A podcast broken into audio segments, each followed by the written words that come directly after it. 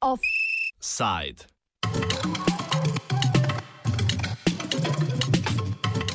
Črno-modro prijateljstvo v drugo.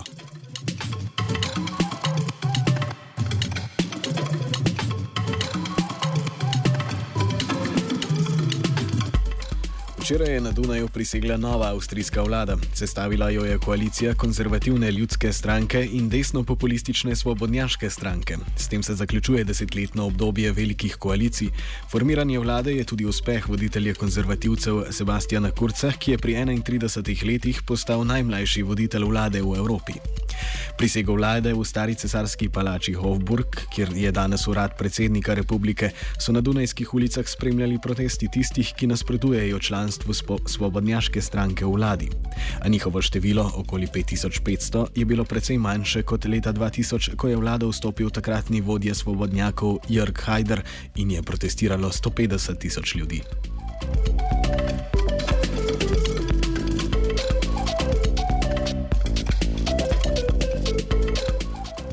V primerjavi z zapleti v sosednji Nemčiji so koalicijska pogajanja potekala precej gladko. Predvolilno kampanjo je močno zaznamovalo nasprotovanje sprejemov migrantov.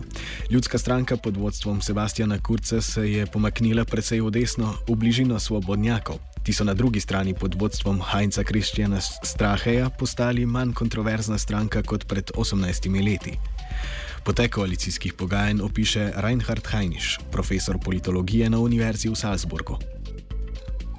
The dynamics were such that the uh, Freedom Party had two choices. The Freedom Party could either go into government or could also go into opposition.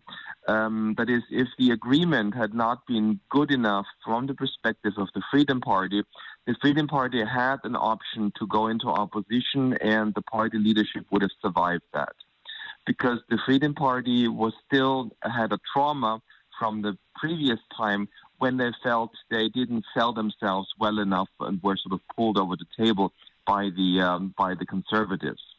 So the Freedom Party had two choices. The Conservative Party only had one choice. For the new Chancellor Kurz, going into opposition was not a possibility. This made him actually weaker in the negotiations. So the Freedom Party had more options and that strengthened their hand in the negotiations. Glavni cilj svobodnjaške stranke je bil, da si pridobi prepoznavnost na področju varnosti, ki je za njene voljivce najpomembnejša.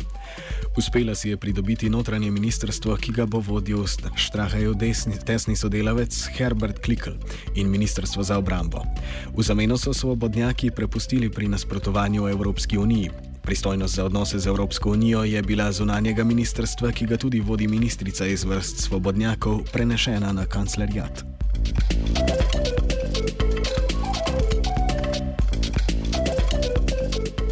Dejstvo, da bo celotni varnostni aparat, vključno z vsemi tajnimi službami v pristojnosti svobodnjaških ministrstv, je vzbudilo nemalo pozornosti med političnimi komentatorji. Pomen teh položajev razloži Hajniš. Well, I mean, in the long run, it certainly is not ir- it's not irrelevant because some of these services are also charged with um, uh, checking on right wing extremism and to go after right wing extremists. And uh, there were members in the Freedom Party who have themselves been accused of um, right wing extremism. So there is an irony in that. Now, when a new government gets in and the minister at the top changes, it doesn't mean that, that the subordinate civil servants are are all going to change.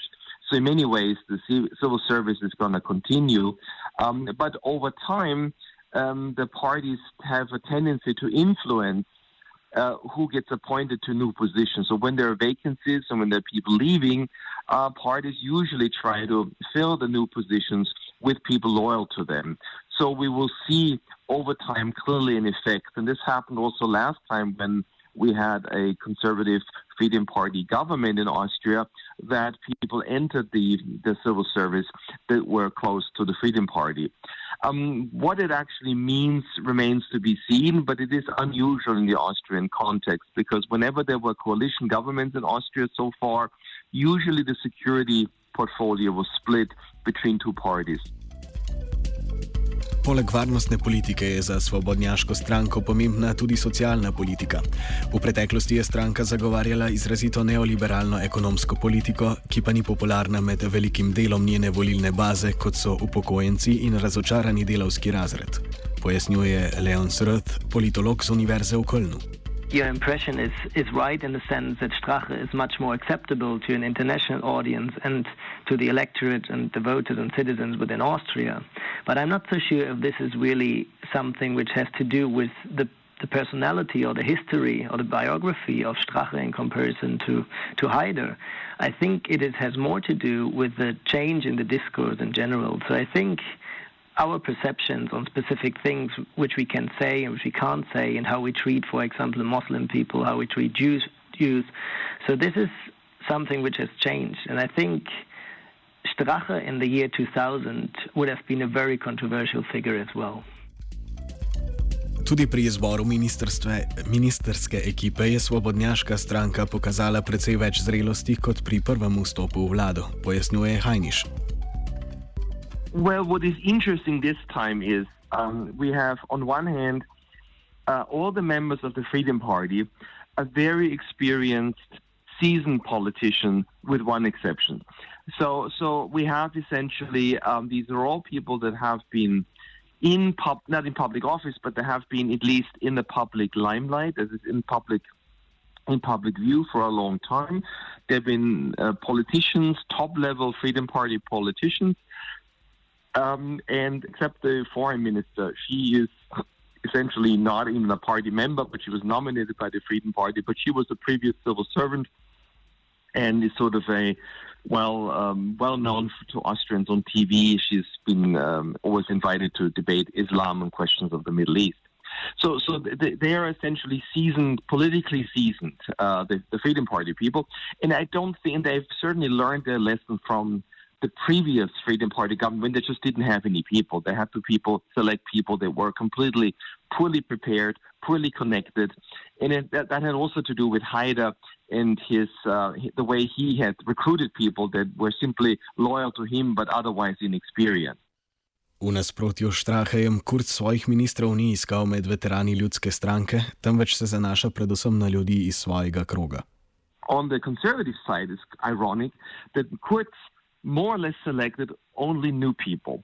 Uh, in fact, selected very often non-politician um, people from experts who have no political history, are not connected to the party, are loyal to him personally, that is, have a close connection to him, part of his network, but are not really established figure figures more or less in in the Conservative Party, um, and um, and and one doesn't know necessarily. Sometimes you know when you have outside experts, it can help the policy process. Sometimes when you have outside experts, the opposite can happen. People maybe you know there's a you know maybe a, a wonderful professor of sociology and the vice rector of the University of Vienna, but that may not make him a very experienced uh, political figure who gets things done. Tretji vpliv na koalicijski dogovor je imel predsednik republike Aleksandr Van der Bellen, ki je na lanskih predsedniških volitvah tesno premagal svobodnjaškega kandidata Norberta Hoferja. Van der Bellen je v preteklosti rekel, da ne bo prisegel vladi, ki bi jo vodila svobodnjaška stranka. Pri koalicijskih pogajanjih je zahteval, da se vlada ne poigrava z možnostjo referenduma o izstopu iz Evropske unije. Prav tako je nakazal, da ne bi priznal nekaterih kontroverznih kandidatov. Na koncu je Van der Bellen izrazil zadovoljstvo o poteku pogajanj. Njegovo vlogo opiše Hajniš. So the president played his cards behind the scene, trying to moderate, and I guess he hoped that um, you know, having a constructive, um, uh, constructive approach from both sides um, uh, unites the public rather than having a divisive approach, and the public would then be there would be chaos, and there would be con- continued uh, government uh, negotiations through next year and to be sort of different from the way that's unfolding in Germany. So I think, you know, and, and the president in the end would have also lost. I mean, the, the, the public would have also blamed the president, um, and, and I think it would have been bad for both parties. So I think they wanted to avoid that, and the president didn't really have any other real options uh, if he wanted to sort of remain above politics and sort of a national symbol rather than a, a partisan activist. Svobodnjaška stranka se je praktično poslovila od možnosti referenduma o izstopu iz Evropske unije. V koalicijsko pogodbo pa je uspela vključiti razširitev pravice do referenduma. The Freedom Party had very far ranging ideas about changing Austrian democracy from a represent, representative model to a direct democratic model similar to Switzerland, with lots of mobilization, lots of referendum campaigns, and the threshold for uh, having sort of a mandatory um, having a mandatory referendum would have been quite low, and the Freedom Party would have liked to have a referendum on Europe and perhaps on membership in the European Union. Now, the new government had to specifically state in the agreement that, uh, first of all, the threshold for the number of signatures you need for an automatic referendum will be quite high. And secondly, there are certain issues on which you cannot vote. So there will not be a referendum on Europe. We know this was to some extent something that the president had expected. Gotovo ena kontroverznejših bo napovedana reforma visokega šolstva. Že črnomodra vlada Wolfganga Schössla iz leta 2000 do 2007 je uvedla šolnine, ki pa so bile kasneje močno znižene. Starim zavezništvom se šolnine vračajo, razlaga predsednik kluba slovenskih študentov in študentk Andi Smrtnik.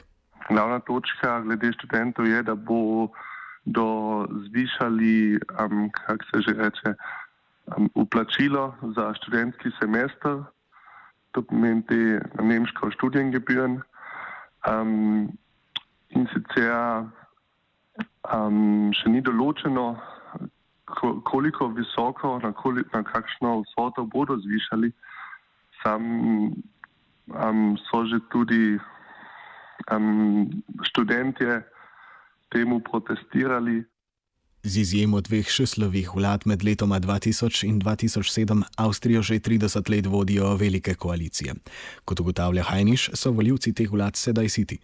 Grand coalition right now is not a very popular form of government. I mean, in the past, Austrians always valued stability over a, a risky, risky innovation, risky reform. If we look at the surveys of the last several years, the Grand Coalition has become quite discredited and is now clearly the less preferred government.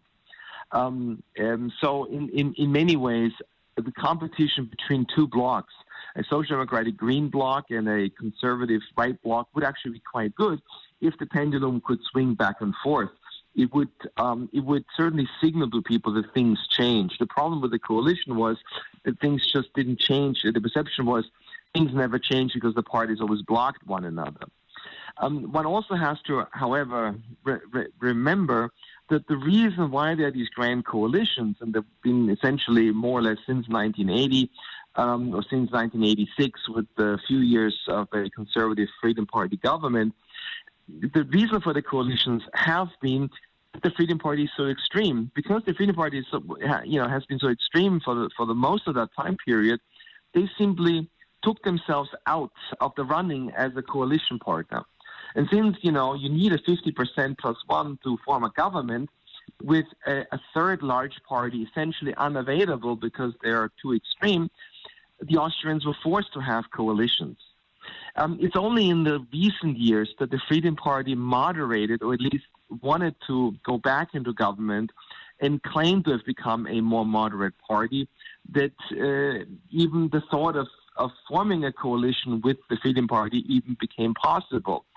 And we also have to remember that also the Social Democrats had a debate, an internal debate, in case they won the elections to form a government with the with the Freedom Party. So, so the, the, the conservatives were not the only ones who who were willing to form a government with the Freedom Party, but also the Social Democrats entertained that, the very same idea, which again tells you A, that the Freedom Party has moderated somewhat, and B, that grand coalitions are just not very popular, even among the major parties. So they were quite sick and tired of each other. There were a lot of personal animosities.